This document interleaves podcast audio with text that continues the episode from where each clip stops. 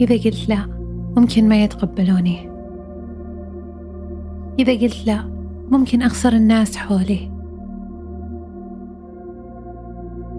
إذا رفضت شيء ممكن أزعل أحبابي.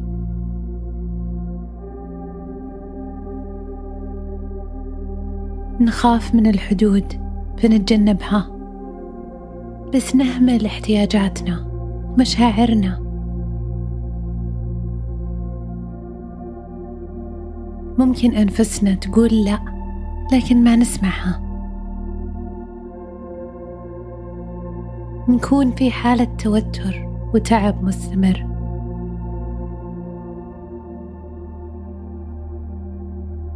دون ما ندرك صرنا سبب معاناتنا. ألم مستمر بداخلنا لكن ممكن إيقافه.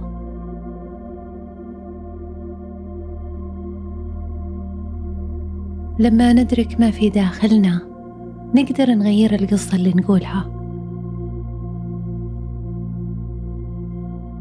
كيف؟ نكرر الفكرة الجديدة اللي فيها نستشعر السعة إلى ما تترسخ شعوريا. حتى لو في البداية ما حسينا فيها.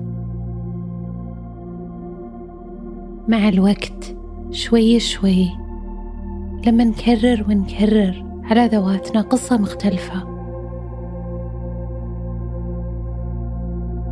لما نؤمن أنه نقدر نختار اختيار جديد يتحرك شيء داخل قلوبنا ونحس بالتغيير.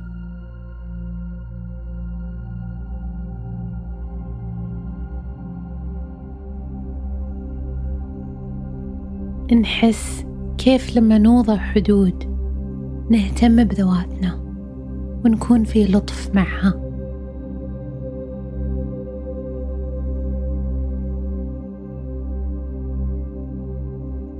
نحس كيف الحدود نوع من أنواع الحب لأنه في حماية لأنفسنا وأحبابنا بإعطاء كل شيء حقه.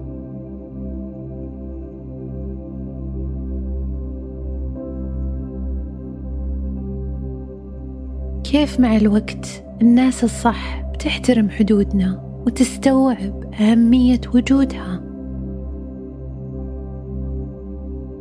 كيف وجود كلمة لا له حكمة في حياتنا وفيها حفظ واحترام لطاقتنا ومشاعرنا؟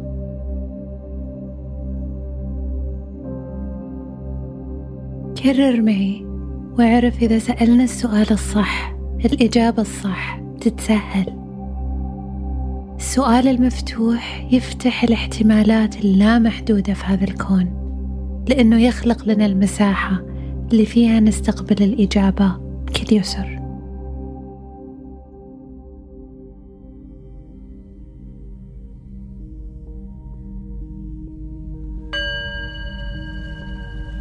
كيف استشعر الحدود كنوع من أنواع الحب والحماية؟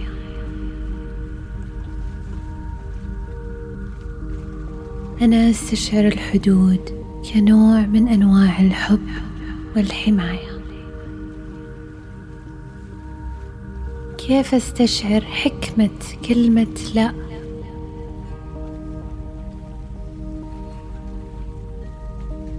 واستخدمها بكل اتزان ولطف.